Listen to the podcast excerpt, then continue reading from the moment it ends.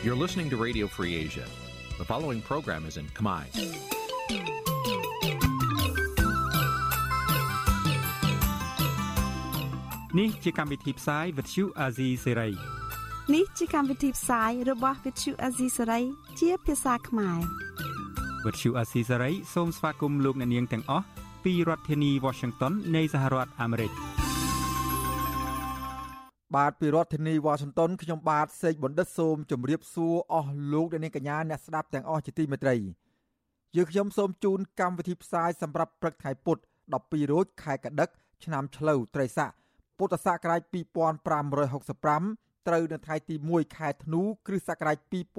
2021បាទជាដំបូងនេះសូមអញ្ជើញអស់លោកអ្នកនាងស្ដាប់ព័ត៌មានប្រចាំថ្ងៃដែលមានមេតិការដូចតទៅ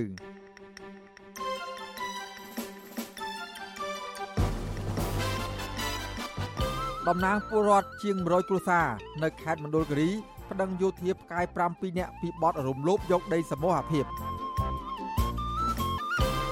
ពលរដ្ឋរិះគន់រដ្ឋាភិបាលលោកហ៊ុនសែនថាផ្ដល់ជំនួយដល់ប្រទេសឡាវដោយមិនគិតពីពលរដ្ឋខ្លួនឯងកំពុងខ្វះខាតអង្គការសង្គមស៊ីវិលស្នើសុំឲ្យរដ្ឋាភិបាលចាត់វិធានការទៅលើជនល្មើសដែលទន្ទ្រានយកដីព្រៃលិចទឹក ថ្ងៃទី30វិច្ឆិកាគឺជាខួប5ឆ្នាំនៃការដាក់បញ្ចូលចាប៉ីដងវែងក្នុងបញ្ជីបេតិកភណ្ឌវប្បធម៌អរូបីនៃមនុស្សជាតិរបស់អង្គការ UNESCO រួមនឹងព័ត៌មានផ្សេងផ្សេងមួយចំនួនទៀត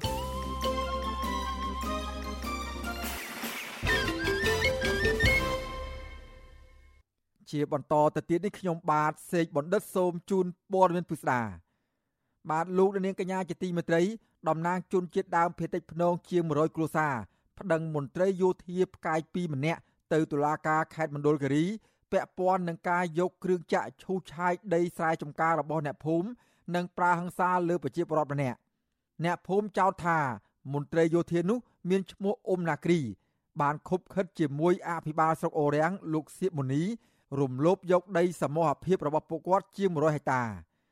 ជនជាតិដើមភេតិចភ្នំម្នាក់តំណាងឲ្យពលរដ្ឋ102គ្រួសារ រស់នៅភូមិពុឆប់ឃុំដាក់ដាំស្រុកអូរាំងអំពាវនាវឲ្យតំណាងអัยការខេត្តមណ្ឌលគិរីស្រ័យបំភ្លឺរឿងព្រមត្តនរបស់ពួកគាត់ដោយយុទ្ធធរដើម្បីសង្គ្រោះព្រៃឈើធនធានធម្មជាតិនិងដីសមូហភាពតំណាងពលរដ្ឋលោកស្រីផូនស្រូន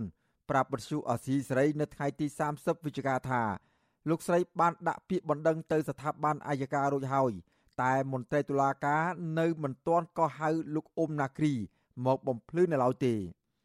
លោកស្រីថាអ្នកភូមិមានភ័ស្តុតាងច្បាស់លាស់ដែលបង្ហាញថា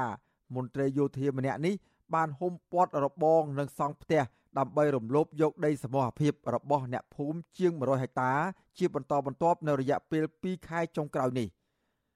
លោកស្រីបន្ថែមថាកន្លងទៅមន្ត្រីយោធារូបនេះបានប្រាហឹង្សាមកលើលោកស្រី ដើម្បីគំរាមមិនឲ្យថតរូបពីសកម្មភាពបោះរបង រំលោភយកដីសមរភាព។ ទៅខាងគាត់ទាំងអស់ពរិយាអីពរិយាអីខាងគាត់ទាំងអស់អញ្ចឹងគេពុំមើលខំញ៉ាគាត់អត់ដោះស្រាយឲ្យជីវរដ្ឋទេតែតែពួកគាត់មកដោះស្រាយខាងអំណាត្រីគ្នាគាត់ទាំងអស់អញ្ចឹងគាត់មានទាំងប៉ូលីសមានទាំងមានទាំងពេលអំអញ្ចឹងជួយការពីខាងនោះទាំងអស់តែជីវរដ្ឋគេអត់ស្ដាប់ផងពីពន្ធទាំងអស់កន្លែងណាដីហ្នឹងចេញឯកសារពីខាងព្រះស្រុកទាំងអស់ធ្វើខូចងាកតែទីគេដៃ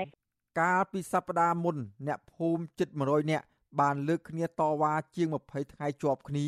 ដើម្បីទាមទារដីសមរភាពជាង100ហិកតា ដែលអ្នកមានអំណាចហុំព័ទ្ធរបងយកដីនោះ អ្នកភូមិចោតអភិបាលស្រុកអូរាំងលោកសៀកមុនីថា បានខុបខិតជាមួយនឹងឈ្មួញរំលោភយកដីសមរភាពទាំងនោះលើសពីនេះទៀតលោកសៀកមុនីនិងមន្ត្រីយោធាផ្កាយ2លោកណាគ្រី បានលបបោះបង្គោលរបងទាំងយប់ និងសង់រោងរំលោភយកដីសមរភាពជាង100ហិកតា នៅចំណុចអូទី និងតំបន់ភ្នំរន្ទះដើម្បីធ្វើជាកម្មសិទ្ធិឯកជនរីឯជនជាតិដើមភាគតិចម្នាក់ទៀតលោកភូសិលាឲ្យដឹងថា អ្នកភូមិជិត100នាក់នៅតែបន្តដាក់វេនគ្នាតវ៉ានិងដេកយាមដីជាង30ថ្ងៃមកហើយដើម្បីទាមទារឲ្យអាជ្ញាធរដោះស្រាយតែគ្មានបានផលនោះឡើយលោកថាបច្ចុប្បន្នមន្ត្រីយោធារូបនេះនិងអភិបាលស្រុកអូរាំងនៅតែបន្តបោះបង្គោលរបងនៅលើដីមានចំនួននោះបើទោះបីជាក្រមប្រជាពលរដ្ឋបានស្រែកតវ៉ាយ៉ាងណាក្តីលោកថាអាញាធរស្រុកនិងខេត្តនេះមិនបានដោះស្រាយក្តីកង្វល់របស់អ្នកភូមិនោះទេ ហើយពួកលោកនឹងដាក់ញត្តិទៅក្រសួងមហាផ្ទៃនៅពេលឆាប់ៗនេះ បាទគាត់ប្រុងយកដីនឹងហ្មងបងគាត់និយាយទៅគាត់រួមដៃគ្នាឈូសឆាយហើយឥឡូវនឹងចាប់ផ្ដើមបបង្គោលហ្មងបងហើយឥឡូវគាត់អត់អ្នកចេញមុខទេឥឡូវគឺឲ្យតំណាងគឺឈ្មោះបង្គោលហ្នឹងគឺបុរីអ្នកចេញមុខបងរាល់ថ្ងៃហ្នឹងខ្ញុំយល់ឃើញថាពិបាកដែរដល់ពេលគេអត់ជួយដោះស្រាយឲ្យពួកខ្ញុំនឹងមានអារម្មណ៍ថាសោកស្ដាយចំពោះអាញាធរចេញវិទ្យុអាស៊ីសេរីនៅពុំទាន់អាចសុំការបំភ្លឺជុំវិញការចោទប្រកាន់នេះ ពីអភិបាលស្រុកអូរាំងលោកសៀបមុនីបាននៅឡើយទេ តាំងពីថ្ងៃទី22ដល់ថ្ងៃទី30ខែវិច្ឆិកាដោយទូរស័ព្ទហៅចូលច្រើនដង តែគ្មានអ្នកទទួល ចំណែកលោកអ៊ុំណាគ្រី ដែលពលរដ្ឋចោទថា បានបោះបង្គោលរបងរំលោភយកដីសមរភាពរបស់ពួកគាត់ក៏មិនទាន់អាចតាក់ទងបានដែររីឯអ្នកនាំពាក្យសាលាខេត្តមណ្ឌលគិរីលោកសនសារំអ្នកនាំពាក្យអាយកាអមសាលាដំបងខេត្តមណ្ឌលគិរីលោកមុំវណ្ដា និងអភិបាលខេត្តមណ្ឌលគិរីលោកថងសវុនក៏មិនទាន់អាចតាក់ទងបានដែរជុំវិញរឿងនេះមន្ត្រីពង្រឹងសិទ្ធិអំណាចសហគមន៍នៃសមាគមអាត6លោកប៉ែនបូណា ចាត់ទុកការរំលោភយកដីសមរភាពដែលជាទ្រព្យសម្បត្តិសាធារណៈរបស់រដ្ឋជាអំពើល្មើសច្បាប់ ដែលទាមទារឲ្យស្ថាប័នអាយកានិងអាជ្ញាធរដោះស្រាយបញ្ហានេះជាបន្ទាន់លោកថាអាជ្ញាធរដែលខុបខិតជាមួយនឹងឈ្មួញ រំលោភយកទ្រព្យសម្បត្តិរបស់រដ្ឋក៏ត្រូវមានទោសដែរ។សហគមន៍ជនជាតិអមេរិកលោកប្រើប្រាស់ហ្នឹងគឺបានត្រឹមតែស្រ័យផលទេមិនទាន់មានបានកម្មសិទ្ធិមិនទាន់មានអីដែលវាមានងាយភាពងាយក្នុងការទន្ទ្រានយករំលោភយកពីអ្នកមានអំណាចធំធំតំណាងអัยការហ្នឹងត្រូវតែបញ្ជាឲ្យមន្ត្រីកោបាលយុតិធម៌ជំនាញតំបន់ធនធានការពារធម្មជាតិព្រៃឈើត្រូវតែបង្ក្រាបបាទហើយកសាងសំណុំរឿងមកតឡាការដើម្បីត្រូវតែផ្ដន់ទាទោសអញ្ចឹងណាអ្នកភូមិមកដឹងថា ដីសមរភាពទំហំជាង100ហិកតា ដែលមន្ត្រីយោធាផ្កាយ2លោកណាគ្រី និងអភិបាលស្រុកអូរាំងលោកសៀបមុនីពាត់របងរំលោភយកដោយតំបន់ខ្លះមានព្រៃកប់សពព្រៃអរិយកន្លែងខ្វៀលគោក្របី និងមានចំការរបស់អ្នកភូមិជាច្រើនគ្រួសារជនជាតិដើមភ្នងចាត់ទុកដីនៅតំបន់នោះជាប្រភពសេដ្ឋកិច្ចយ៉ាងសំខាន់ដែលពលរដ្ឋជាច្រើនគ្រួសារដាំដុះចិញ្ចឹមជីវិតជាង30ឆ្នាំមកហើយពួកគាត់អះអាងថា ប្រសិនបើបាត់បង់ដីនោះនិងប៉ះពាល់ដល់ជីវភាពពួកគាត់យ៉ាងធ្ងន់ធ្ងរតំណាងប្រជាពលរដ្ឋលោកស្រីផូនស្រូនបានបញ្ជាក់នៅក្នុងពាក្យបណ្ដឹងថា មន្ត្រីយោធាផ្កាយ2លោកណាគ្រី តែងតែដើរធ្វើប្លង់រឹងពីពេញព្រៃដើម្បីរំលោភយកដីធ្វើជាកម្មសិទ្ធិប៉ះពាល់ស្រែចម្ការបែបប្រពៃណីរបស់ជនជាតិដើមភាគតិចភ្នងជាច្រើនគ្រួសារ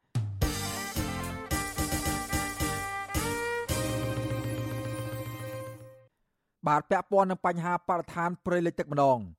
អង្គការសង្គមស៊ីវិលស្នើសុំឲ្យរដ្ឋាភិបាលនិងតុលាការចាត់វិធានការតាមផ្លូវច្បាប់ឲ្យបានម៉ឺងម៉ាត់ទៅលើជនល្មើសដែលទន្ទ្រានយកដីព្រៃលិចទឹក ការស្នើសុំនេះធ្វើឡើងក្រោយពីអាជ្ញាធរខេត្តបាត់ដំបងបានឃាត់ខ្លួនមនុស្ស8នាក់ដែលបានទន្ទ្រានដីព្រៃលិចទឹកនេះយកទៅធ្វើជាកម្មសិទ្ធិឯកជន សង្គមស៊ីវិលជំរុញឲ្យចាត់វិធានការលើជនល្មើសនៅតំបន់ព្រៃលិចទឹកជុំវិញបឹងទន្លេសាប តំបន់ឆ្នេរសមុទ្រនិងតំបន់ព្រៃឈើនៅក្នុងភូមិភាគឦសាននៃប្រទេសកម្ពុជាផងដែរអ្នកនាំពាក្យអង្គការសិទ្ធិមនុស្សអាត6លោកសង្សានករណាយល់ថាករណីទន្ទ្រានព្រៃលិចទឹកមិនមែនទើបតែកើតមាននាពេលបច្ចុប្បន្ននេះទេគឺកើតមានច្រើនឆ្នាំមកហើយលោកបញ្ជាក់ថាកន្លងមកប្រជាពលរដ្ឋនិងអង្គការសង្គមស៊ីវិលបានអំពាវនាវជាហោហែឲ្យអាជ្ញាធរពាក់ព័ន្ធទប់ស្កាត់ប៉ុន្តែពុំទទួលបានលទ្ធផលនោះទេ បើសិនជាចំណាត់ការហ្នឹងគ្រាន់តែធ្វើឲ្យតែបានមួយគ្រាមួយគ្រាវាមិនខុសអំពីអ្វីដែលកន្លងមកធ្លាប់មានការចេញនៅចំណាត់ការដូចជារឿងព្រៃឈើនិងរឿងផ្សេងផ្សេងកន្លងមកនោះទេគ្រាន់តែធ្វើឲ្យតែមួយផ្លែតអីចឹងហើយក៏ចប់ទៅវិញប៉ុន្តែយើងសង្ឃឹមថាក្នុងករណីនេះនឹងមិនដូចទៅនឹងករណីចំណាត់ការកន្លងមកទៅចុះ លោកសាសុំឲ្យរដ្ឋាភិបាលនិងស្ថាប័នពាក់ព័ន្ធចាត់វិធានការឲ្យមានប្រសិទ្ធភាពដោយធ្វើចំណាត់ការជាបន្តបន្ទាប់និងជាប្រព័ន្ធដោយមិនត្រូវធ្វើតែមួយរយៈពេលខ្លីហើយត្រូវតែផ្ដន់ទោសជនល្មើសទៅតាមច្បាប់ដើម្បីឲ្យមានការរៀងចាលនិងជាគំរូកុំឲ្យអ្នកផ្សេងទៀតប្រព្រឹត្តតាមព្រមទាំងមានការសហការផ្តល់ព័ត៌មានពីប្រជាពលរដ្ឋដើម្បីទទួលបានព័ត៌មានកាន់តែច្បាស់និងរហ័សក្នុងការស្រាវជ្រាវរកបទល្មើសទាំងនោះ កាលពីថ្ងៃទី28វិច្ឆិកាលោកនាយករដ្ឋមន្ត្រីហ៊ុនសែនបានបញ្ចេញសារសម្លេងព្រមានចាត់វិធានការលើមន្ត្រីទាំងឡាយណាដែលទន្ទ្រានព្រៃលិចទឹកនៅជុំវិញបឹងទន្លេសាបក្រោយពីបែកធ្លាយសារសម្លេងនេះអាជ្ញាធរខេត្តជុំវិញបឹងទន្លេសាប បានចុះទប់ស្កាត់បទល្មើសព្រៃលិចទឹកជាបន្តបន្ទាប់នៅព្រឹកថ្ងៃទី30វិច្ឆិការដ្ឋលេខាធិការក្រសួងរៀបចំដែនដីលោកប៉ែនសុផលបានដឹកនាំកិច្ចប្រជុំក្រុមការងារត្រួតពិនិត្យ និងស្រាវជ្រាវការទន្ទ្រានដីព្រៃលិចទឹកនៅតំបន់ខេត្តទាំង6ជាប់នឹងបឹងទន្លេសាប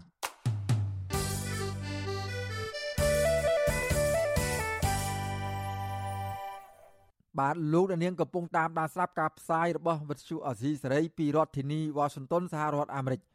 មន្ត្រីសិទ្ធិមនុស្សព្រួយបារម្ភពីការរឹតបន្តឹងសិទ្ធិទទួលបានព័ត៌មាននៅក្នុងតុលាការថាបានធ្វើឲ្យប៉ះពាល់ដល់ដំណើរការស្វែងរកយុត្តិធម៌ជូនដល់ពលរដ្ឋការព្រួយបារម្ភនេះ ធ្វើឡើងបន្ទាប់ពីមន្ត្រីសមាគមអាត60ប្រចាំខេត្តប្រសេនុនិងប្រជាពលរដ្ឋលើកឡើងថាមន្ត្រីសាលាដំបងខេត្តនេះអនុវត្តតឹងរឹងក្នុងដំណើរការរដ្ឋបាលនិងមិនអនុញ្ញាតឲ្យពួកគេចូលរួមឃ្លាំមើលនៅរយៈពេលប្រមាណ5ខែចុងក្រោយនេះតើការរដ្ឋបិទសិទ្ធិនេះធ្វើឲ្យប៉ះពាល់ដល់ការស្វែងរកយុទ្ធធរជូនដល់ប្រជាពលរដ្ឋឬជនជាប់ចោតយ៉ាងដូចម្តេចខ្លះបាទសូមលោកនាងរងចាំស្ដាប់សេចក្តីរាយការណ៍ពិស្ដារជុំវិញរឿងនេះនាពេលបន្តិចទៀតបាទសូមអរគុណ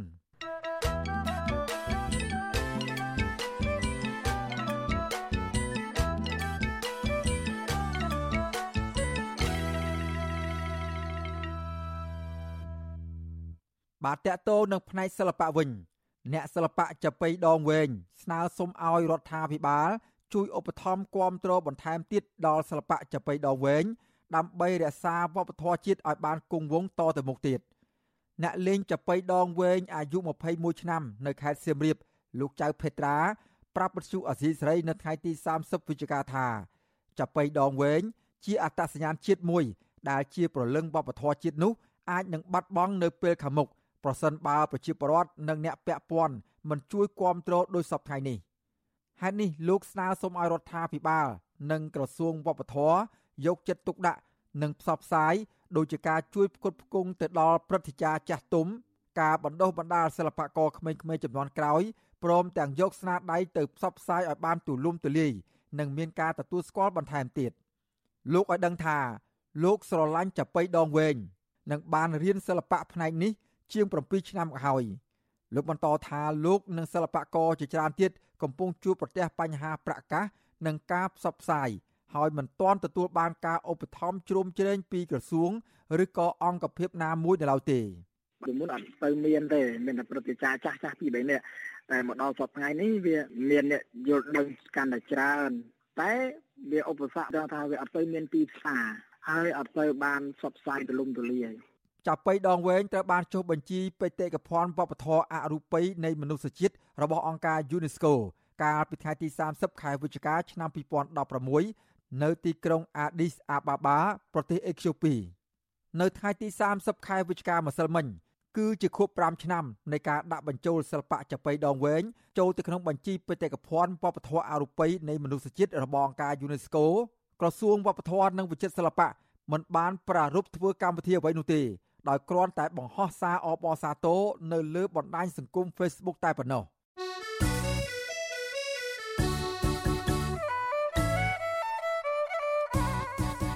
បាទលោកនាងកញ្ញាជាទីមេត្រីលោកនាងកំពុងតាមដានស្ដាប់ការផ្សាយរបស់វិទ្យុអសីស្រីពីរដ្ឋធានីវ៉ាស៊ីនតោនសហរដ្ឋអាមេរិក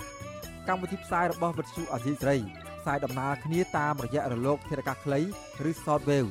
ពេលព្រឹកចាប់ពីម៉ោង5កន្លះ ដល់ម៉ោង6កន្លះតាមរយៈរលក ធាតុអាកាសខ្លី9390 kHz ស្មើនឹងកម្ពស់ 32m និង11800 kHz ស្មើនឹងកម្ពស់ 25m ពេលយប់ចាប់ពីម៉ោង7កន្លះដល់ម៉ោង8កន្លះតាមរយៈរលកធាតុអាកាសខ្លី9390 kHz ស្មើនឹងកម្ពស់ 32m និង15155 kHz ស្មើនឹងកម្ពស់ 20m បាទសូមអរគុណ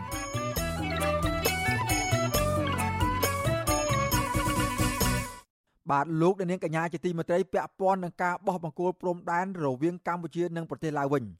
ប្រទេសទាំងពីរបានពន្លឿនការចរចាបោះបង្គោលព្រំដែនបន្ថែមក្នុងតំបន់ឯកភាពគ្នារួចហើយបានចំនួន86%នៃខ្សែព្រំដែនរួម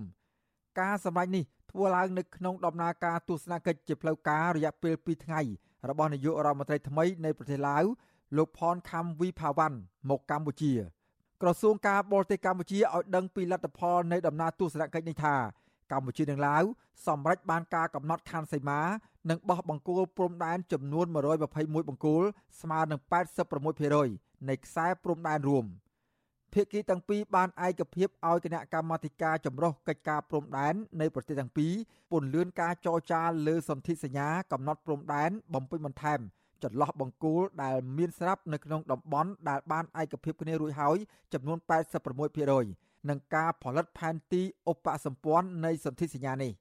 កន្លងទៅដោយសារការមិនទាន់ដោះស្រាយដាច់ស្រឡះនៃការកំណត់ខ្សែបន្ទាត់ព្រំដែននេះកងទ័ពកម្ពុជានិងឡាវធ្លាប់ប្រឈមមុខដាក់គ្នាជាបន្តបន្ទាប់នៅតំបន់ព្រំដែនមុំ3ក្នុងស្រុកជាំខ្សានខេត្តព្រះវិហារជាប់នឹងខេត្តចម្ប៉ាសាក់របស់ប្រទេសឡាវកាលពីពាក់កណ្ដាលឆ្នាំ2019 និងនៅតំបន់ព្រៃធម្មជាតិក្នុងតំបន់ក្បែរអូអាឡៃនិងតំបន់អូតាងាវស្រុកសៀមប៉ាងខេត្តស្ទឹងត្រែងជាប់ព្រំដែនខេត្តអាតាពើរបស់ប្រទេសឡាវកាលពីឆ្នាំ2017កម្ពុជានិងឡាវមានព្រំប្រទល់ដីគោកជាប់គ្នាប្រមាណ540គីឡូម៉ែត្រក្រៅពីបញ្ហាព្រំដែននេះកម្ពុជានិងឡាវក៏បានឯកភាពគ្នាពន្លឿនបញ្ចប់សេចក្តីព្រៀងផែនការសកម្មភាពសម្រាប់ភាពជាដៃគូយុទ្ធសាស្ត្រ គ្រប់ជ្រុងជ្រោយនិងយូរអង្វែងរវាងប្រទេសទាំងពីរភាគីទាំងពីរក៏ព្រមព្រៀងជំរុញកិច្ចសហប្រតិបត្តិការបន្ថែមទៀតនៅក្នុងការទប់ស្កាត់និងបង្ក្រាបសកម្មភាពខុសច្បាប់នៅតាមព្រំដែនព្រមទាំងបង្កើនពាណិជ្ជកម្មនិងការវិនិយោគបន្ថែមទៀត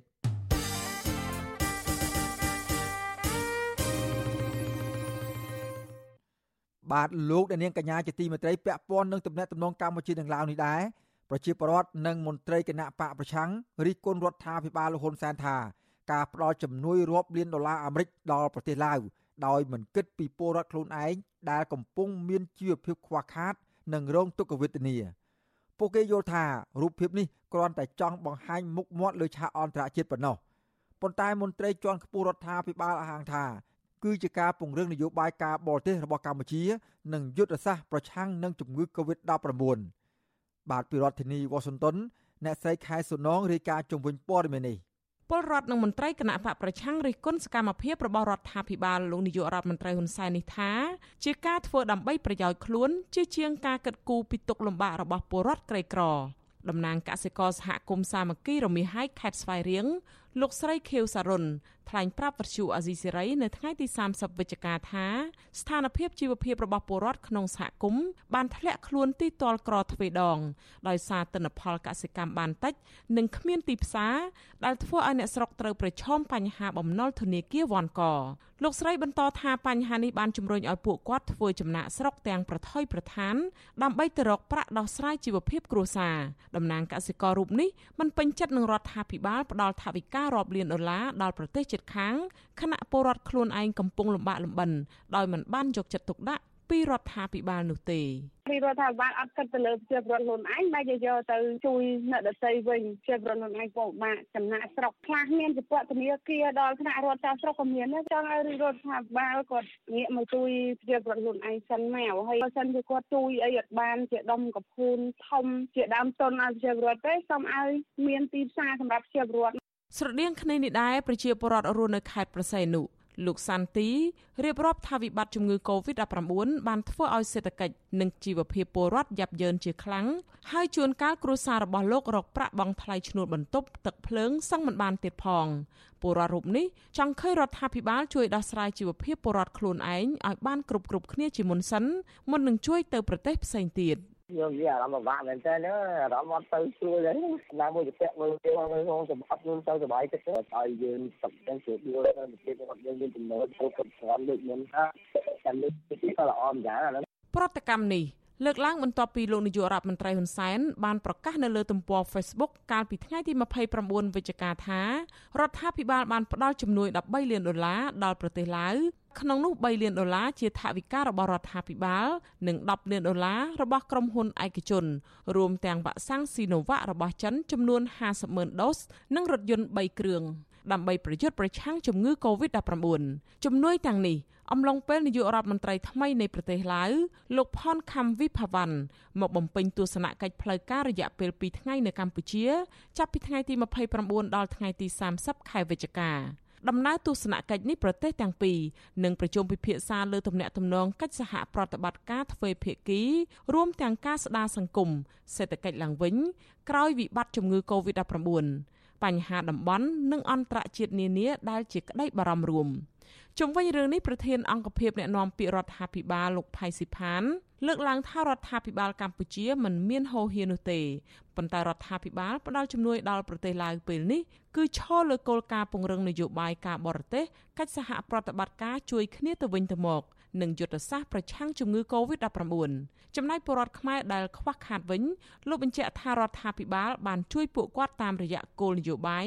និងកម្មវិធីនានា ដែលមន្ត្រីមូលដ្ឋានដោះស្រាយដើម្បីឆ្លើយតបទៅនឹងការខ្វះខាតរបស់ពលរដ្ឋហើយប្រជាពលរដ្ឋដែលលោកទាល់ក្រនឹងងាយរំព្រុះហ្នឹងមានក្រ1ក្រ2ក្រ3អីហ្នឹងគឺយើងមានសកម្មភាពនឹងជូនលុយទៅរដ្ឋមានដុល្លារសម្រាប់ជួយនៅក្នុងកម្មវិធីនេះបាទដូច្នេះការជួយប្រទេសជិតខាងវាជាការបង្ហាញមួយដើម្បីអនុវត្តនៅកិច្ចសហប្រតិបត្តិការនិងជួយគ្នាទៅវិញទៅមកទោះជាយ៉ាងណាអតីតតំណាងរាជគណៈបកសង្គ្រោះជាតិលោកអ៊ុំសំអានថ្លែងថាលោកគាំទ្រសកម្មភាពមនុស្សធម៌ដូចជាការបរិច្ចាគថវិកា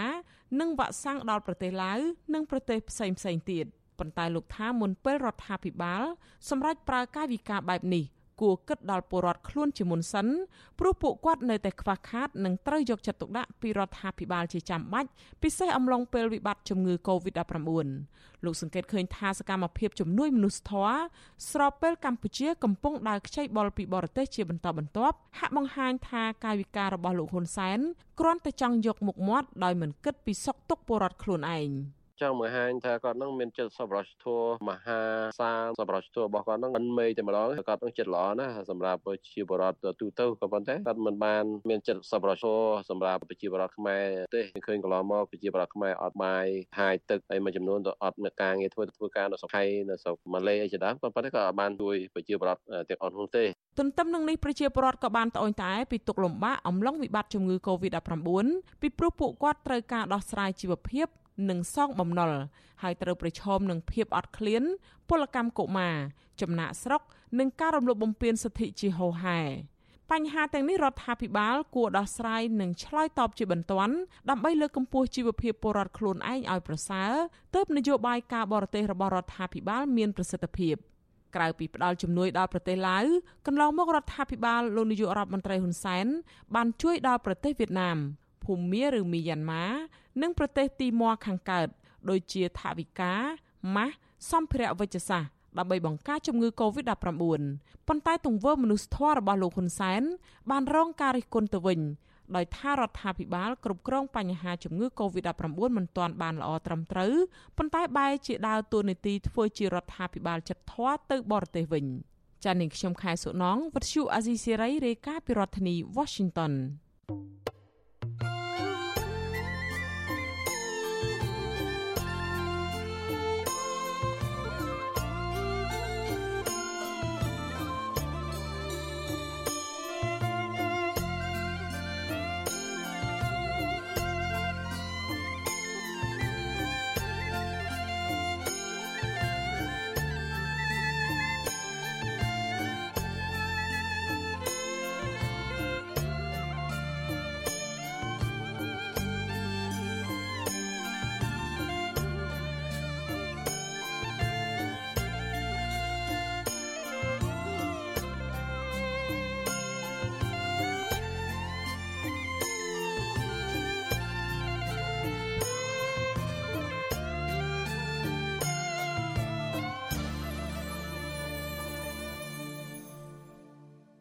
បាទលោកអ្នកនាងកញ្ញាជាទីមេត្រីពាក់ព័ន្ធនឹងស្ថានភាពជំងឺ Covid-19 អ្នកស្លាប់ដោយសារជំងឺ Covid-19 បានកើនឡើងដល់2940នាក់ក្រោយពីអ្នកជំងឺចំនួន5នាក់ទៀតបានស្លាប់ក្នុងនោះមាន3នាក់មិនបានចាក់វ៉ាក់សាំងចំណែកករណីឆ្លងថ្មីវិញក្រសួងសុខាភិបាលប្រកាសថាមានចំនួន22នាក់ដែលជាលទ្ធផលបញ្ជាក់ដោយម៉ាស៊ីនពិសោធន៍ PCR គិតត្រឹមព្រឹកថ្ងៃទី30ខែវិច្ឆិកាម្សិលមិញ កម្ពុជាមានអ្នកកើតជំងឺ Covid-19 ជាង120,000នាក់ក្នុងនោះមានអ្នកជាសះស្បើយចំនួន116,000នាក់ចំពោះការចាក់វ៉ាក់សាំងបង្ការជំងឺ Covid-19 វិញក្រសួងប្រកាសថារដ្ឋាភិបាលបានចាក់វ៉ាក់សាំងជូនពលរដ្ឋកាន់តែជិតសម្រេចផែនការ100%ហើយក្នុងចំណោមអ្នកដែលត្រូវចាក់វ៉ាក់សាំងសរុប14លាននាក់ជាមួយគ្នានេះក្រសួងសុខាភិបាលបានហាមឃាត់អ្នកធ្វើដំណើរមកពីទ្វីបអាហ្វ្រិក ចំនួន10ប្រទេសចូលមកកម្ពុជាជាបណ្ដោះអាសន្នចាប់ពីថ្ងៃទី1ខែធ្នូនេះតទៅដើម្បីទប់ស្កាត់ការរាតត្បាតមេរោគកូវីដបំលែងថ្មីឈ្មោះអូមីក្រុង ដែលកំពុងរាតត្បាតច្រើននៅប្រទេសក្នុងទ្វីបអាហ្វ្រិកនិងនៅប្រទេសមួយចំនួនទៀតបាទតាក់ទងនឹងជំងឺ Covid-19 នេះដែររដ្ឋាភិបាលក្រុងភ្នំពេញនៅថ្ងៃទី30ខែវិច្ឆិកាម្សិលមិញបានប្រកាសបើកការ៉ាអូខេរ៉ាំងកាសាលនិង Discotheque ឡើងវិញភ្លាមៗ ក្រោយពីប្រកាសបិទជាមរអាសន្នបាន13ម៉ោងរួចមកប៉ុន្តែពាក់ព័ន្ធនឹងការប្រកាសឲ្យបើកកន្លែងប្រមូលផ្ដុំមនុស្សច្រើនឡើងវិញយ៉ាងតក់ក្រហល់បែបនេះរដ្ឋាភិបាលក្រុងភ្នំពេញមិនបានបញ្ជាក់ពីមូលហេតុច្បាស់លាស់នោះនៅឡើយទេកាលពីថ្ងៃទី29ខែវិច្ឆិការដ្ឋបាលក្រុងភ្នំពេញចាត់ទុកសកម្មភាពការងារមុខរបរឬក៏អាជីវកម្មទាំងនោះរួមទាំងការជួបជុំគ្នាលើសពី50នាក់ថាមានហានិភ័យខ្ពស់នៃការឆ្លងរាលដាលជំងឺ Covid-19 និងបានសូមឲ្យផ្អាក7ថ្ងៃសិនគិតចាប់ពីថ្ងៃទី29ខែវិច្ឆិកាដល់ថ្ងៃទី5ខែធ្នូក៏ប៉ុន្តែបំរាមទាំងនោះត្រូវបានចាត់ទុកជាមុខៈអស់ហើយតាមរយៈសេចក្តីសម្រេចថ្មីនៅថ្ងៃទី30ខែវិច្ឆិកាម្សិលមិញវិទ្យុអាស៊ីសេរីនៅពុំទាន់អាចសុំការបំភ្លឺជុំវិញរឿងនេះពីអភិបាលក្រុងភ្នំពេញលោកខួងស្រេងបានទេ នៅថ្ងៃទី30ខែវិច្ឆិកាដោយលោកមិនបានលើកទូរស័ព្ទ ចំណាត់ការតក់ក្រហល់និងមិនច្បាស់លាស់របស់រដ្ឋាភិបាលក្រុងភ្នំពេញនាពេលនេះធ្វើឡើងក្នុងពេលដែលពិភពលោកកំពុងតែព្រួយបារម្ភនិងចាត់វិធានការជាក់ស្ដែងតាមប្រទេសរៀងៗខ្លួនដើម្បីទប់ស្កាត់ការឆ្លងរាលដាលនៃជំងឺ Covid-19 បំលែងថ្មីឈ្មោះមីក្រុង ដែលឆ្លងលឿននិងមិនច្បាស់លាស់ថាវ៉ាក់សាំងដែលបានចាក់ហើយអាចបង្ការបាននៅឡើយទេមេរោគបំលែងថ្មីនេះត្រូវគេរកឃើញដំបូងនៅប្រទេសជាច្រើននៅទ្វីបអាហ្វ្រិកខាងត្បូង ប៉ុន្តែពេលនេះមេរោគនេះបានឆ្លងរាលដាលខ្លាំងនៅប្រទេសជាច្រើននៅលើពិភពលោក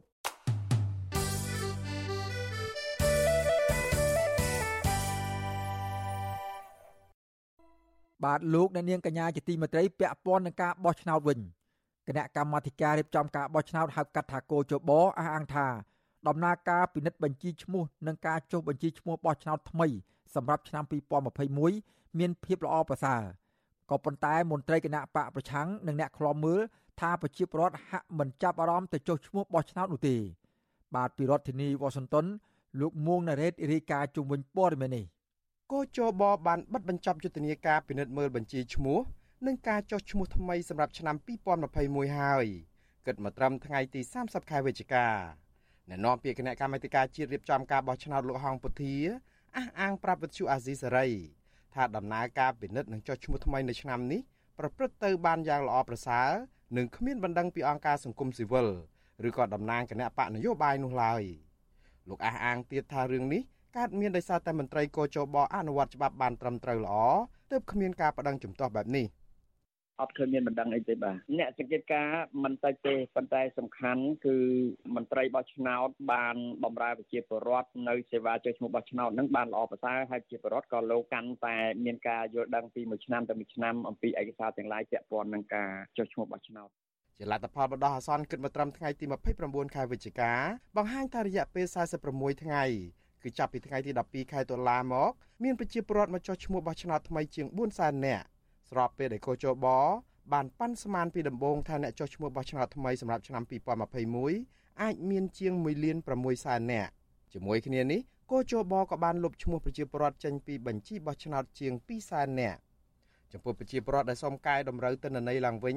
មន្ត្រីកោជបថាមានជិត2សែននាក់និងអ្នកផ្ទេរទីលំនៅចូលឃុំសង្កាត់ថ្មីមានជាង1សែននាក់បន្ទាប់ពីដំណើរការពិនិត្យនិងចុះឈ្មោះនេះបិទបញ្ចប់ទៅ គោចបនឹងចាប់ផ្ដើមបិទផ្សាយលទ្ធផលបឋមនិងលទ្ធផលផ្លូវការហើយទៅមុខទៀតគោចបនៅបន្តឲ្យប្រជាពលរដ្ឋពិនិត្យមើលទិន្នន័យបន្តទៀតមន្ត្រីអង្គការសង្គមស៊ីវិលសង្កេតឃើញថាគណៈបកនយោបាយជាច្រើនមិនបានចូលរួមដំណើរការចុះឈ្មោះបោះឆ្នោតនៅឆ្នាំនេះពិសេសគឺគណៈបកសម្ព័ន្ធដើម្បីប្រជាធិបតេយ្យឬហៅកាត់ថា LDP ដែលធ្លាប់តែរកឃើញភាពមិនប្រក្រតីនិងចេញមុខប្តឹងតវ៉ាជាច្រើនករណីកាលពីក្នុងនីតិវិធីចុះឈ្មោះអ្នកបោះឆ្នោតឆ្នាំ2020 នាយកប្រតិបត្តិអង្គការ Netflix លោកសំគុណធីមីសោកស្ដាយចំពោះអវត្តមានរបស់តំណាងគណៈបកនយោបាយជាច្រើននៅក្នុងដំណើរការចុះឈ្មោះថ្មីនេះលោកយល់ថាគណៈបកនយោបាយខ្លះអាចរអានៅក្នុងការបដិងតវ៉ាដែរដោយសារតែកោជបធ្លាប់ប្តឹងតំណាងគណៈបកសម្ព័ន្ធដើម្បីប្រជាធិបតេយ្យទៅតុលាការកាលពីឆ្នាំមុនលោកសំគុណធាមីដែលបានបញ្ជូនភ្នាក់ងារសង្គមស៊ីវិលចុះពិនិត្យមើលដំណើរការបោះឆ្នោតថ្មីនៅតាមការិយាល័យមួយចំនួនដែរនោះ បន្តថាប្រជាពលរដ្ឋបានទៅចុះឈ្មោះបោះឆ្នោតមានចំនួនច្រើនមែនក៏ប៉ុន្តែពួកគាត់មិនទាន់ច្បាស់នៅក្នុងចិត្តថាពួកគាត់នឹងចូលរួមការបោះឆ្នោតនៅពេលខាងមុខដែរឬយ៉ាងណានោះទេ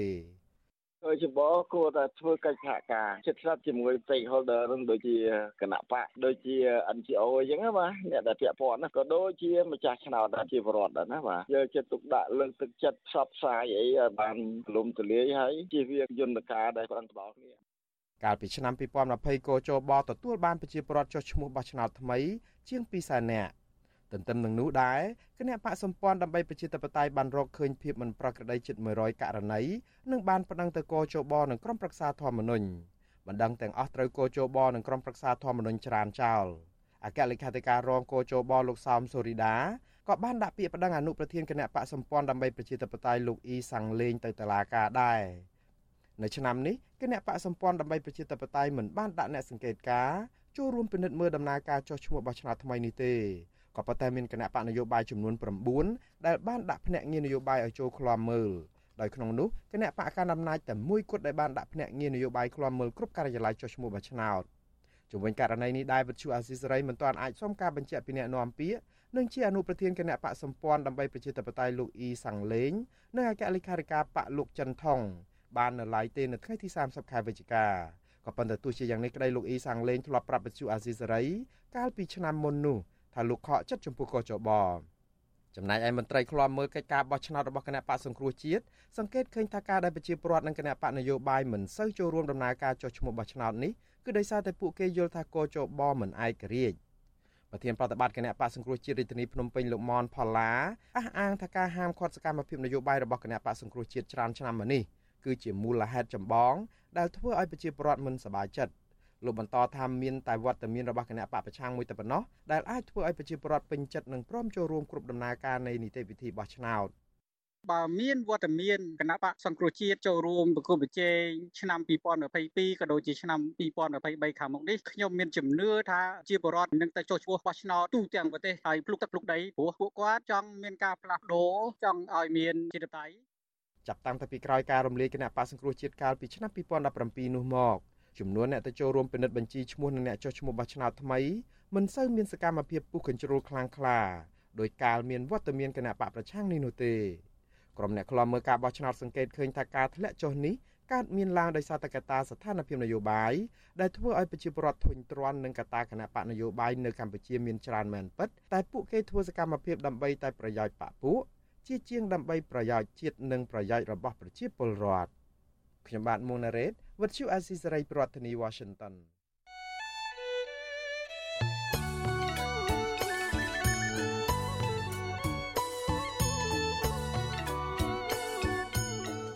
បាទលោកអ្នកនាងកញ្ញាជាទីមេត្រីលោកអ្នកនាងកំពុងតាមដានស្ដាប់ការផ្សាយរបស់វិទ្យុអសីសេរីពីរដ្ឋធានី Washington សហរដ្ឋអាមេរិក ក្រៅពីការតាមដានកម្មវិធីផ្សាយរបស់វិទ្យុអសីសេរីតាមបណ្ដាញសង្គម Facebook YouTube និង Telegram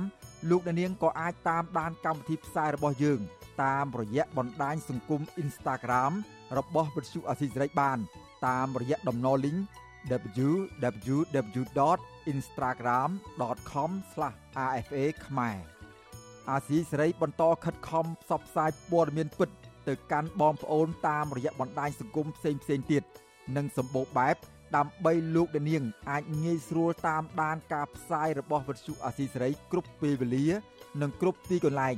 តាមរយៈទូរស័ព្ទដៃរបស់អស់លោកអ្នកបាទសូមអរគុណ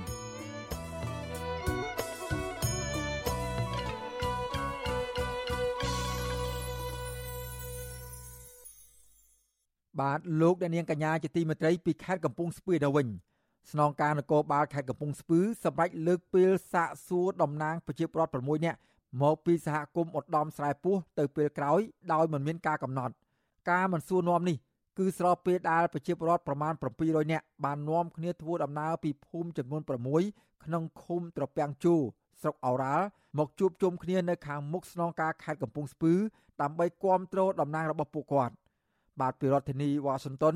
លោកមានរិទ្ធរាយការណ៍ជំនួយព័ត៌មាននេះ តំណាងប្រជាពលរដ្ឋក្នុងសហគមន៍ឧត្តមស្រែពោះលោកខុនសរិទ្ធប្រាប់វិសុយស៊ីស្រីនៅថ្ងៃទី30ខែវិច្ឆិកាថារូបលោកនិងពលរដ្ឋ5នាក់ទៀតដែលចូលបំភ្លឺតាមលេខាកោះរបស់ស្នងការខេត្តកំពង់ស្ពឺនោះត្រូវបានផ្អាកទៅវិញដោយសារតែស្នងការខេត្តលោកសំសមួនមានកិច្ចការជាប់រវល់នៅរាជធានីភ្នំពេញលោកឲ្យដឹងថាការកោះហៅពីសំណាក់សមាជិកនេះទំនងជាកើតចេញពីការតវ៉ារបស់អ្នកភូមិពោមាសដែលបាននាំគ្នាជិត200នាក់ ទៅខាត់ទាហានមួយក្រុមប្រើគ្រឿងចាក់ឈូសឆាយដីព្រៃស្ថិតនៅក្នុងការគ្រប់គ្រងរបស់សហគមន៍កាលពីខែតុលាកន្លងមកនេះលោកចាត់ទុកការចោទប្រកាន់នេះថាគឺជារឿងគំរាមកំហែងបំបាក់ស្មារតីប្រជាពលរដ្ឋកុំឲ្យប្រមូលផ្ដុំគ្នាតវ៉ាជាបន្តទៅទៀតពាក់ព័ន្ធនឹងរឿងដីព្រៃសហគមន៍ដែលរដ្ឋាភិបាលបានកាត់ឲ្យគ្រួសារយោធិនសម្រាប់សាងសង់លំនៅឋាននិងបង្កបង្កើនផលនៅទីនោះ តំណាងពលរដ្ឋរូបនេះស្នើសុំសមាជិកបញ្ឈប់ការកោះហៅពលរដ្ឋព្រោះពួកគាត់ទាំង6នាក់មិនបានប្រព្រឹត្តកំហុសដោយការចាត់ប្រកាន់នោះទេនិងស្នើអាជ្ញាធរខេត្តកំពង់ស្ពឺរក្សាទុកដីព្រៃសហគមន៍ជូនប្រជាពលរដ្ឋរស់នៅតំបន់នោះ។ សម្រាប់ពួកខ្ញុំទាំង6នាក់ហ្នឹងក៏បានស្នើសុំទៅខាងអភិបាលខេត្តហ្នឹងដែរថាឲ្យសុំឲ្យគាត់ជួយធ្វើអន្តរាគមន៍ឲ្យខាងភាគីម្ខាងទៀតហ្នឹងទម្លាក់នៅបទចោតព្រោះពួកខ្ញុំហ្នឹងគ្រាន់តែជាអ្នកដែលតស៊ូការពារផលប្រយោជន៍រួមទេមិនមែនដូចជាពួកគាត់ចោតហ្នឹងទេសម្រាប់ប្រជាពលរដ្ឋគឺគាត់គិតថាវាជួសឆាយចឹងវាខាតព្រៃខាតអីវាបាត់បង់ទាំងធនធានធម្មជាតិវាបើសិនជាគេយកមែនវាបាត់បង់ទាំងដីនៅកន្លែងហ្នឹងពួកគាត់គាត់លែងមានកន្លែងគ្មានគោលែងមានកន្លែងរកអស់លែងមានកន្លែងដបផ្សិតអីចឹងអញ្ចឹងបានពួកគាត់ទៅតវ៉ាហើយម្យ៉ាងកន្លែងនេះគឺជាកន្លែងដែលគាត់ថែរក្សាមកច្រើនឆ្នាំហើយវិសុវអេស៊ីស្រីមិនអាចសុំការឆ្លើយតបរឿងនេះពីស្នងការនគរបាលខេត្តកំពង់ស្ពឺលោកសំសមួននិងអភិបាលខេត្តកំពង់ស្ពឺលោកវីសំណាងបាននៅឡើយទេ នៅថ្ងៃទី30ខែវិច្ឆិកាដែលហៅទូរស័ព្ទចូលតែពុំមានអ្នកទទួល ទោះបីជាយ៉ាងណាពលរដ្ឋឲ្យដឹងថាមន្ត្រីតំណាងអភិបាលខេត្តកំពង់ស្ពឺបានចេញជួបពលរដ្ឋនិងទទួលយកសំណើពីពួកគាត់នៅខាងស្នងការដ្ឋាននគរបាលខេត្តដោយអាជ្ញាធរសន្យាថានឹងចុះទៅពិនិត្យមើលនិងដោះស្រាយវិវាទនោះដោយផ្ទាល់នាពេលខាងមុខ តាក់ទងនឹងរឿងនេះអ្នកសម្របសម្រួលផ្នែកសិទ្ធិមនុស្សនៃសមាគមអាត6លោករដ្ឋាវីមានប្រសាសន៍ថាការកាត់ដីនៅក្នុងដែនជម្រកសត្វព្រៃភ្នំអរ៉ាល់នេះដើម្បីផ្ដល់ឲ្យយោធិននិងក្រុមហ៊ុនឯកជនពីសំណាក់រដ្ឋាភិបាលគឺធ្វើឲ្យប៉ះពាល់ដល់ដីព្រៃសហគមន៍ជាច្រើននៅក្នុងតំបន់នោះដែលប្រជាពលរដ្ឋខិតខំការពារទុកឲ្យមនុស្សចំនួនក្រោយ។ លោកយល់ថាអាញាធរគួរតែពិនិត្យមើលឡើងវិញតាក់ទងទៅនឹងការកាត់ដីព្រៃសហគមន៍នេះឲ្យយោធិននិងប្រជាពលរដ្ឋសរុបប្រមាណ41គ្រួសារដើម្បីធ្វើស្រែចម្ការនៅទីតាំងនោះ កន្លងមកហ្នឹងខាងក្រមទាហានដែលទៅឈឺឆាយហ្នឹងគឺអត់មានខាងក្រមអាជ្ញាធរខេត្តឬក៏ស្រុកណាចុះទៅចង្អុលបង្ហាញទេអញ្ចឹងណាអញ្ចឹងហើយវាធ្វើឲ្យមានបញ្ហានឹងកើតឡើងខ្ញុំគិតថារាជរដ្ឋាភិបាលគួរតែធ្វើការពិចារណាឡើងវិញក្នុងការលុបចោលអនុក្រឹត្យហ្នឹងណាដើម្បីផ្ដល់ដីនឹងទុកសម្រាប់ឲ្យសហគមន៍ការពារ ព្រៃឈើឲ្យនៅគង់វង្សដូចដើមវិញណាកុំឲ្យវាបាត់បង់ព្រោះប្រទេសកម្ពុជាយើងសពថ្ងៃធនធានធម្មជាតិវាចេះតែមានការបាត់បង់តិចម្ដងតិចម្ដងណាហើយបើយើងចេះតែនាំគ្នាជួយចាត់ចែងដាច់តលិចតកើតអស់អញ្ចឹងយូរទៅយើងបារម្ភខ្លាចវាបាត់បង់ធនធានធម្មជាតិអស់ណា កាលពីថ្ងៃទី20ខែសីហាលោកនាយករដ្ឋមន្ត្រីហ៊ុនសែនបានចេញអនុក្រឹត្យមួយដោយធ្វើអនុប្រយោគដីទំហំជាង200ហិកតាស្ថិតនៅក្នុងដែនជម្រកសត្វព្រៃភ្នំអូរ៉ាល់នៅក្នុងភូមិសាស្ត្រភូមិពោមាសឃុំតាពាំងជោស្រុកអូរ៉ាល់នៃខេត្តកំពង់ស្ពឺដើម្បីផ្ដល់ជាកម្មសិទ្ធិឲ្យក្រុមគ្រួសារយោធិននៃបញ្ជាការដ្ឋានរថក្រោះកងទ័ពជើងគោកនិងប្រជាពលរដ្ឋសរុបចំនួន41គ្រួសារសម្រាប់សាងសង់លំនៅឋាន និងបង្កបង្កើនផលស្របច្បាប់ លុះមកដល់ថ្ងៃទី13ខែតុលាមន្ទីរបរិស្ថានខេត្តកំពង់ស្ពឺបានចេញលិខិតមួយបញ្ជាក់ថាមន្ទីរបានស្នើសុំដាក់គ្រឿងចាក់ចំនួន5គ្រឿងសម្រាប់ការឈូសឆាយនិងវាស់កំណត់ព្រំដីជូនក្រុមគ្រួសារយោធិននៃបញ្ជាការដ្ឋានរថក្រោះកងទ័ពជើងគោកនិងប្រជាពលរដ្ឋចំនួន41គ្រួសារនៅទីតាំងនោះដែលមានការចុះហត្ថលេខាឯកភាពពីអភិបាលខេត្តកំពង់ស្ពឺព្រៃសហគមន៍ការពារធនធានធម្មជាតិឧត្តមស្រែពោះ ត្រូវបានបង្កើតឡើងនៅឆ្នាំ2003ដោយនៅពេលនោះមានទំហំផ្ទៃដីជាង2000ហិកតាក៏ប៉ុន្តែបច្ចុប្បន្ននេះអ្នកភូមិឲ្យដឹងថាដីព្រៃសហគមន៍នេះនៅសល់ជាង800ហិកតាប្រជាសហគមន៍នៅឃុំតពាំងជោស្នើសុំអាជ្ញាធររក្សាទុកដីព្រៃដែលនៅសេសសល់មិនដល់1000ហិកតានេះដើម្បីឲ្យពួកគាត់ទទួលផលប្រយោជន៍ពីតំបន់ព្រៃឈើមួយនេះតាមមុខរបរប្រពៃណីដូចជារោគផ្សិតរោគវល្លិលែងគោក្របីជាដើម ពលរដ្ឋអាងថាបច្ចុប្បន្នព្រៃសហគមន៍មួយនេះមិនសូវមានដើមឈើធំធំនៅសល់នោះទេភាគច្រើននៅសល់តែដើមឈើតូចៗតែប៉ុណ្ណោះខ្ញុំបាទមេរិត Visual C ស្រីរាយការណ៍ពីរដ្ឋធានី Washington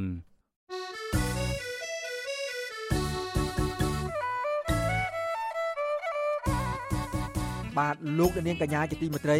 លោកអ្នកនាងកំពុងតាមដានស្ដាប់ការផ្សាយរបស់វិទ្យុអសីស្រីពីរដ្ឋធានីវ៉ាស៊ីនតោនសហរដ្ឋអាមេរិក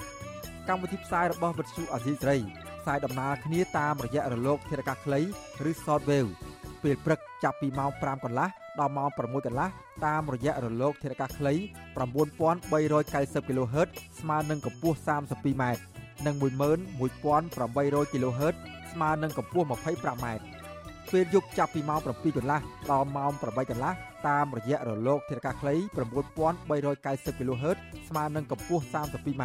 និង15155 kHz ស្មើនឹងកម្ពស់ 20m បាទសូមអរគុណ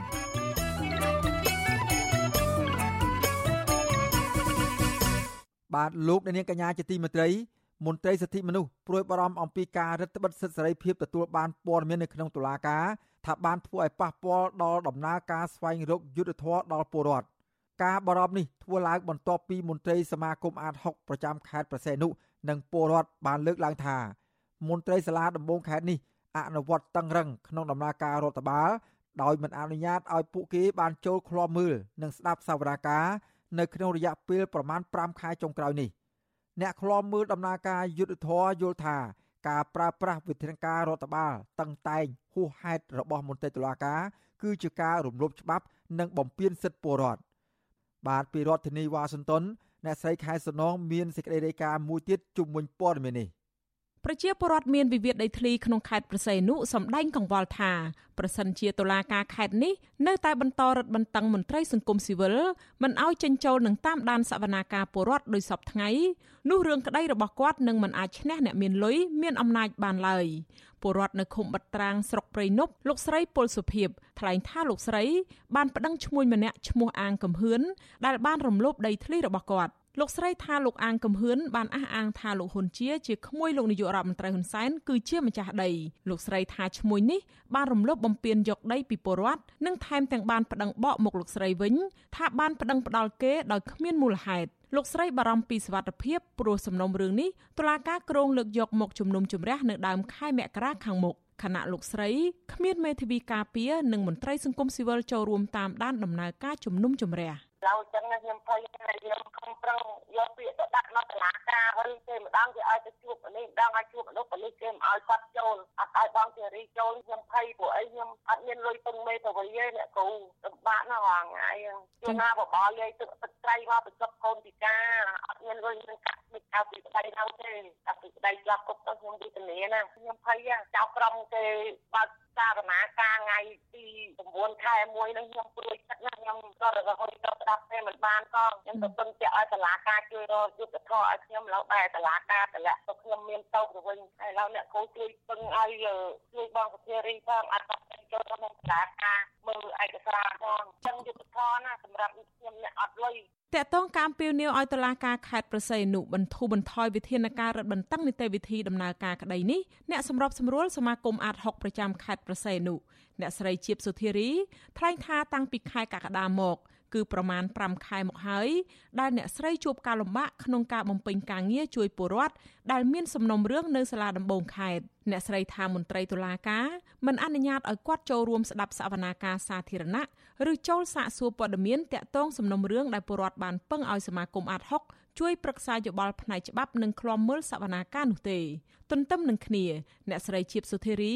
ថាមន្ត្រីតុលាការបានតម្រូវឲ្យគាត់ដាក់ពាក្យសុំចូលរួមប៉ុន្តែនៅពេលអ្នកស្រីធ្វើតាមក៏មន្ត្រីមិនអនុញ្ញាតដែរដោយយោងហេតុផលថាគ្មានការអនុញ្ញាតពីប្រធានការិយាល័យរដ្ឋបាលសាលាដំបងខេត្តប្រស័យនុលោកលីច័ន្ទដារាអ្នកស្រីយល់ថានេះជាការរឹតបន្តឹងសិទ្ធិសេរីភាពទទួលបានព័ត៌មាននិងធ្វើឲ្យប៉ះពាល់ដល់ដំណើរការស្វែងរកយុត្តិធម៌របស់ពលរដ្ឋនេះគឺជាការរឹតបន្តឹង សេរីភាពក្នុងការទទួលបានព័ត៌មានហើយមួយទៀតប្រជាប្រដ្ឋភាគច្រើនគឺគាត់អត់មានលទ្ធភាពក្នុងការជួលមេធាវីឯកជនដែលមានតម្លៃចាប់ពី1000ដុល្លារទៅដល់3000ដុល្លារទេប្រជាប្រដ្ឋខ្លះគឺគាត់មិនយល់ពីនីតិវិធីគាត់អត់ដឹងថាត្រូវធ្វើម៉េចគាត់ដឹងថាសិទ្ធិរបស់គាត់ជាជនជាប់ចោតឬក៏ជាដើមបណ្ដឹងរដ្ឋប្រវេណីមានសិទ្ធិត្រូវធ្វើអី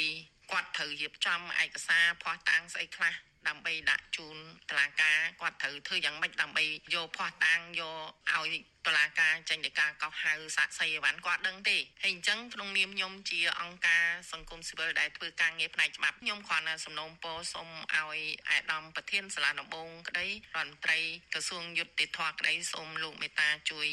ធ្វើការបំភ្លឺឲ្យបានច្បាស់ថាតើអ្នកដែលអាចមានសិទ្ធិចូលទៅសាលាដំបងបានលុះត្រាណាតែមាននៃការកោះហៅពីតឡាការឬក៏ជាស្បែកខ្លួនទៅដាក់ពាក្យដឹងឬក៏ជាមេធាវីឬជាជំនួយការមេធាវីបានអាចចូលបាន ឆ្លើយតបបញ្ហានេះប្រធានការិយាល័យរដ្ឋបាលសាលាដំបងខេត្តប្រស័យនុលោកលីច័ន្ទតារាមានប្រសាសន៍ដោយខ្លីថាលោកនឹងសួរនាំបញ្ហានេះទៅមន្ត្រីសាលាដំបងខេត្តសិនហើយក៏ចុចផ្ដាច់ទូរស័ព្ទទៅ ពទ្យុអាស៊ីសេរីមិនអាចតាក់ទងប្រធានសាលាដំបងខេត្តប្រស័យនុលោកកៅវ៉ាន់ឌីនិងអ្នកនាំពាក្យសាលាដំបងខេត្តនេះលោកហួតវិចិត្រនិងរដ្ឋមន្ត្រីក្រសួងយុតិធម៌លោកកើតរិទ្ធបានទេ នៅថ្ងៃទី29និងថ្ងៃទី30ខែវិច្ឆិកាដោយទូរស័ព្ទហៅចូលតែគ្មានអ្នកទទួលអ្នកសម្របសម្រួលគម្រោងសិទ្ធិទទួលបានការជំនុំជម្រះដោយយុតិធម៌នៃមជ្ឈមណ្ឌលសិទ្ធិមនុស្សកម្ពុជា CCHR លោកហ៊ុនសៀងហាក់ បកស្រាយថាសវនាការក្នុងរឿងប្រមទ័នត្រូវធ្វើជាសាធារណៈដែលសាធារណជនអាចចូលរួមបានលោកថាលើកលែងតែរឿងពាក់ព័ន្ធយុតិធធអនិច្ចជន និងរឿងប៉ះពាល់ដល់សន្តិភាពសាធារណៈឬសន្តិសុខសង្គមប៉ុណ្ណោះដែលសម្រេចដោយក្រុមប្រឹក្សាជំនុំជម្រះដែលត្រូវធ្វើឡើងជាអសាធារណៈទាំងពេលសវនាការនិងទាំងពេលប្រកាសសាលក្រមលោកហ៊ុនសៀងហាក់ យល់ថាការប្រើប្រាស់វិធានការរដ្ឋបាលតឹងតែងហួសរបស់មន្ត្រីតុលាការដែលប្រះចាកពីក្រមនីតិវិធីប្រមត្តននិងកតិកាសញ្ញាអន្តរជាតិស្ដីពីសិទ្ធិពលរដ្ឋនិងនយោបាយគឺជាការរំលោភច្បាប់ និងបំពានសិទ្ធិពលរដ្ឋមន្ត្រីតុលាការអ្នកណាក៏ដោយបានន័យថាយើងធ្វើការដើម្បីផ្ដល់សេវាយុតិធធទៅដល់ពលរដ្ឋផ្ដល់ឲ្យពលរដ្ឋគ្រប់ភាគីទាំងអស់ទទួលបានសេវាយុតិធធហ្នឹងអញ្ចឹងវិធានការសន្តិសុខឬវិធានការរដ្ឋបាលផ្សេងៗហ្នឹងត្រូវតែធ្វើទៅតាមផ្អែកទៅលើនីតិវិធីច្បាប់ហើយបើយើងធ្វើ ហួសឬក៏ជ្រុលទៅទៅលើនីតិវិធីច្បាប់អានោះវាជាការ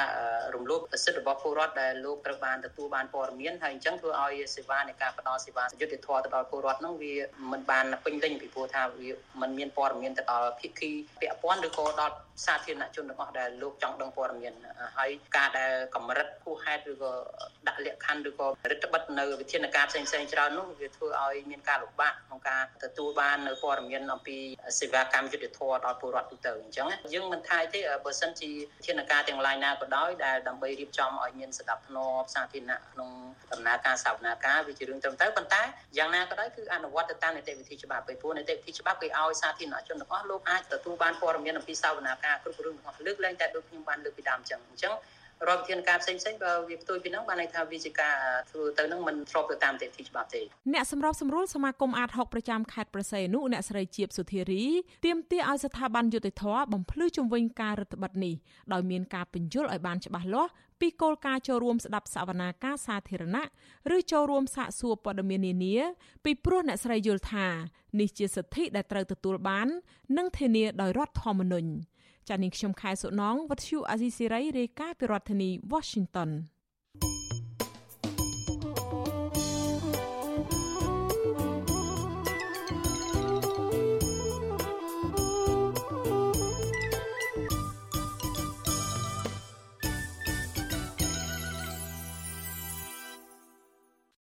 បាទលោកនាងកញ្ញាជាទីមេត្រីនៅខេត្តប្រសេនុនោះដែរ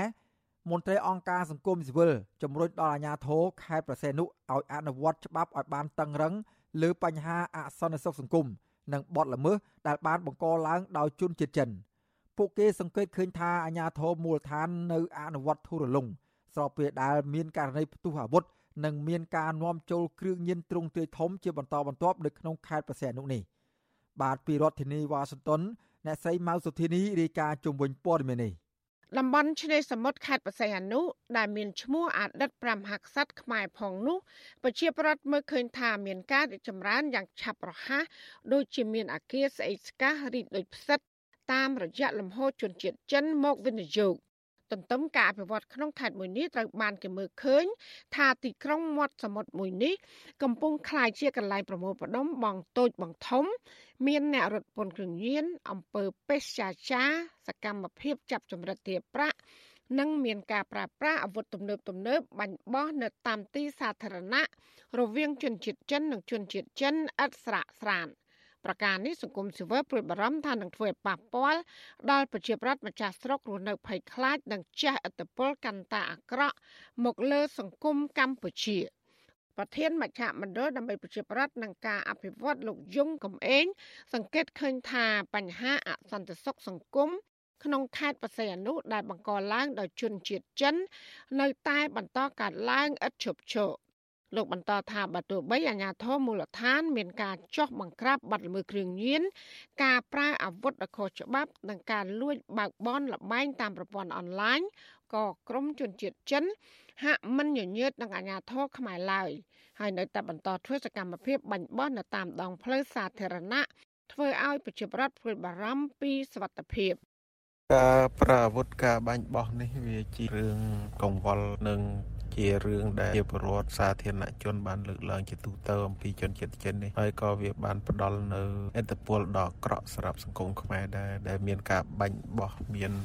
ការប្រើប្រាស់គ្រឿងញៀនការប្រព្រឹត្តអំពើព្រៃផ្សៃហើយក្នុងនោះក៏មានការបាញ់តបតគ្នាជាមួយនឹងសមត្ថកិច្ចអីហោហែពេលចុះប្រក្រាបកន្លងមកបាទ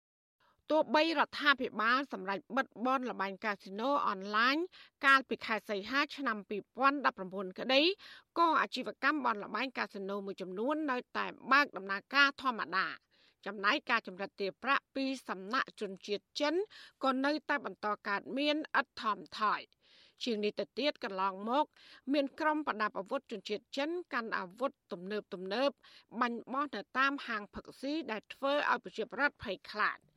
កាលពីដើមខែតុលាកន្លងទៅអាជ្ញាធរបានឃាត់ខ្លួនអក្រិតជនចាប់ចម្រិតជនជាតិចិនបានជាច្រើនអ្នកនិងបានដកហូតអាវុធវែងខ្លីចំនួន7ដើម រួមមានកំភ្លើងម៉ាក AK47 មួយដើម កំភ្លើងវែងម៉ាក M4 មួយដើម កំភ្លើងខ្លីម៉ាក K54 ពីរដើម កំភ្លើងខ្លីម៉ាក K59 មួយដើម កំភ្លើងខ្លីម៉ាក CF98 មួយដើមនិងកំភ្លើងខ្លីម៉ាករឡូមួយដើមព្រមទាំងក្របកំភ្លើងជាច្រើនគ្រាប់ទៀតលោកយងកំឯងទៀមទាយ៉ាងទទូចដល់រដ្ឋាភិបាលឲ្យមានការស៊ើបអង្កេតឲ្យបានល្អិតល្អន់ដើម្បីសុវត្ថិភាពដល់ប្រជាពលរដ្ឋលោកបន្តថាក្នុងដំណើរការស៊ើបអង្កេតរបស់អាជ្ញាធរនិងក្រសួងពាក់ព័ន្ធត្រូវតែមានដំណាភាពហើយរដ្ឋាភិបាលត្រូវតែវែកមុខរកប្រភពចម្បងអ្នកដែលបានលក់អាវុធឲ្យជនជាតិចិនប្រើប្រាស់ដោយខុសច្បាប់ រួមទាំងមេខ្លោងរថពន្ធគ្រឿងញៀនចូលមកកម្ពុជាផងលោកបារម្ភថាសកម្មភាពបាត់ល្មើសរបស់អក្រិតជនជនជាតិចិនទាំងនោះ នៅតែបន្តកើតមានទៀតនិងធ្វើឲ្យប៉ះពាល់ដល់សង្គមជាតិធ្ងន់ធ្ងរ ឆ្លើយតបបញ្ហានេះស្នងការនគរបាលខេត្តបរសៃអនុលោកជួននរិនទទួលស្គាល់ថាបាត់ល្មើសភ ieck ច្រើនគឺបង្កឡើងដោយជនជាតិចិនប៉ុន្តែលោកអះអាងថាអាញាធរតែងតែចោះបង្ក្រាបបាត់ល្មើសដោយឃើញមួយបង្ក្រាបមួយឃើញពីរបង្ក្រាបពីរលោកបន្តថាលោកបានដាក់ពង្រាយកងកម្លាំងប្រដាប់អាវុធបន្ថែមទៀតដើម្បីរៀបចំសណ្ដាប់ធ្នាប់នឹងការពារសន្តិសុខជូនប្រជាពលរដ្ឋនៅក្នុងមូលដ្ឋាន។ ចំណែករឿងស៊ើបអង្កេតជនល្មើសដែលបានលក់អាវុធឲ្យជនជាតិចិនវិញលោកបដិញ្ញាថានឹងស្វែងរកមុខមេខ្លោងដើម្បីផ្ដន្ទាទោសតាមច្បាប់ដោយបានសហការជាមួយនឹងសមត្ថកិច្ចជំនាញនិងបរិយាអាជ្ញា យើងត្រូវតែមាននាយកដ្ឋានជំនាញពាក់ព័ន្ធយើងសហការទៅលើទៅក្រមដោយមានការសម្របសម្រួលពីបរិញ្ញាតាមផ្លូវច្បាប់យើងអត់ដែលទុកចោលទេអានេះណាទោះតែយើងបង្ក្រាបបានមួយពីរក៏យើងនៅតែបើកការជឿសួរជំនួសបន្តរហូតនីតិវិធីមិនឲ្យរលត់នីតិវិធីទេយើងទៅដល់ណាគឺយើងបលិតប៉ុណ្ណឹងដែនដីដោយមានបរិញ្ញាក៏បលិតរបាយការណ៍ស្នងការនគរបាលខេត្តបរសៃអនុកាលពីឆ្នាំ2019បង្ហាញថាអាជីវកម្មរួមមានសន្តាគារនិងផ្ទះសំណាក់ ចំនួន156កន្លែងគ្រប់គ្រងដោយជនជាតិចិន មានចំនួន150កន្លែងកាស៊ីណូចំនួន62កន្លែងវិនិយោគដោយជនបរទេស48កន្លែងក្លឹបកំសាន្តការ៉ាអូខេ41កន្លែងគ្រប់គ្រងដោយជនជាតិចិនហាងម៉ាស្សាចំនួន46កន្លែងគ្រប់គ្រងដោយជនជាតិចិនចាភោជនីយដ្ឋានជាង400កន្លែងក្នុងនោះចំនួន95%គ្រប់គ្រងដោយជនជាតិចិន ជុំវិញរឿងនេះអ្នកសម្របសម្រួលសមាគមអាត់ខុកប្រចាំខេត្តបរសៃអនុអ្នកត្រីជីពសុធារីមានប្រសាសន៍ថាបើទោះបីរដ្ឋាភិបាល ប្រកាសបិទលបែងកាស៊ីណូអនឡាញក្នុងឆ្នាំ2019ក៏ដោយ អ្នកលួចបើកអាជីវកម្មនេះនៅតែកើតមានហើយបាត់ល្មើសដែលបង្កឡើងដោយជនជាតិចិននៅតែកើតមានឡើងជាបន្តបន្ទាប់ អ្នកស្រីបន្តថាដើម្បីកុំឲ្យមានការប្រើប្រាស់អាវុធបាញ់បោះដោយសេរីអាជ្ញាធរត្រូវតែអនុវត្តច្បាប់ឲ្យបានតឹងរឹងនិងស៊ើបអង្កេតរកមេខ្លាំងពាក់ព័ន្ធទាំងអស់មកដន្ទាទោសតាមច្បាប់ យើងនៅតែមានការព្រួយបារម្ភអញ្ចឹងសម្រាប់ប្រជាពលរដ្ឋដែលរស់នៅក្នុងខេត្តផ្សេងនោះព្រោះវាមិនមែនជាលើកទី1ទោះបីជារដ្ឋាភិបាលប្រកាសឲ្យបិទបាញ់ហ្គេមអនឡាញក៏ដោយប៉ុន្តែកាស៊ីណូនៅតែដំណើរការលេងអញ្ចឹងមិនតែគ្រាន់តែអត់ទៅមានភ្ញៀវយើងចង់និយាយអញ្ចឹងណាយើងឃើញបាត់ល្មើសក៏នៅតែកើតមានដែរព្រោះថ្ងៃពេលខ្លាំងអាការបាំងគ្នាឆ្លោះបតាយបតប់គ្នានៅកដាលកដាលផ្លូវសាធារណៈក៏មាននៅទីប្រជុំជនក៏មានហើយកដាលយប់កដាលត្រៀតឡើងយើងឮសូរផ្ទុះអាវុធអីក៏យើងព្រួយបារម្ភដែរ មន្ត្រីសង្គមស៊ីវិលរូបនេះបន្ថែមថាអាញាធរមូលដ្ឋាន អនុវត្តច្បាប់នៅខ្វះចន្លោះច្រើនដូចជាបណ្ដេតបណ្ដោយឲ្យមានបនលបែងកាស៊ីណូអនឡាញមួយចំនួននៅដំណើរការ មានការចាប់ចម្រិត ការជួញដូរគ្រឿងញៀននិងការកាន់កាប់អាវុធខុសច្បាប់ជាដើម ក្នុងរយៈពេល9ខែឆ្នាំ2021អាជ្ញាធរកម្ពុជាបានឃាត់ខ្លួនជនសង្ស័យពាក់ព័ន្ធនឹងគ្រឿងញៀនចំនួនជិត10000នាក់និងរឹបអូសគ្រឿងញៀនត្រប់ជាង1000គីឡូក្រាមក្នុងចំណោមជនសង្ស័យទាំងនោះមានមនុស្សជាង6000នាក់ជាប់ពាក់ព័ន្ធនឹងការជួញដូរគ្រឿងញៀនហើយមនុស្សជាង3000នាក់ទៀតរួមទាំងជនបរទេសជាង200នាក់ផងពាក់ព័ន្ធនឹងការប្រើប្រាស់គ្រឿងញៀន។ កាលពីឆ្នាំ2020សមត្ថកិច្ចកម្ពុជា បានចាប់ខ្លួនជនជាតិចិនជាង500នាក់ដែលពាក់ព័ន្ធនឹងបទឧក្រិដ្ឋដែលពួកគេបានប្រព្រឹត្តនៅកម្ពុជាសមត្ថកិច្ចឲ្យដឹងដែរថាជនជាតិចិនដែលត្រូវបានចាប់ខ្លួនភ ieck ច្រើនមានជាប់ពាក់ព័ន្ធនឹងការប្រព្រឹត្តអំពើឃាតកម្មការចម្រិតទាបប្រាក់អំពើហិង្សាឆោបោកចោរកម្មរត់ពន្ធថ្នាំញៀននិងការប្រើប្រាស់អាវុធខុសច្បាប់ ចានាងខ្ញុំម៉ៃសុធានីវិទ្យុអាស៊ីសេរីប្រធានាធិបតី Washington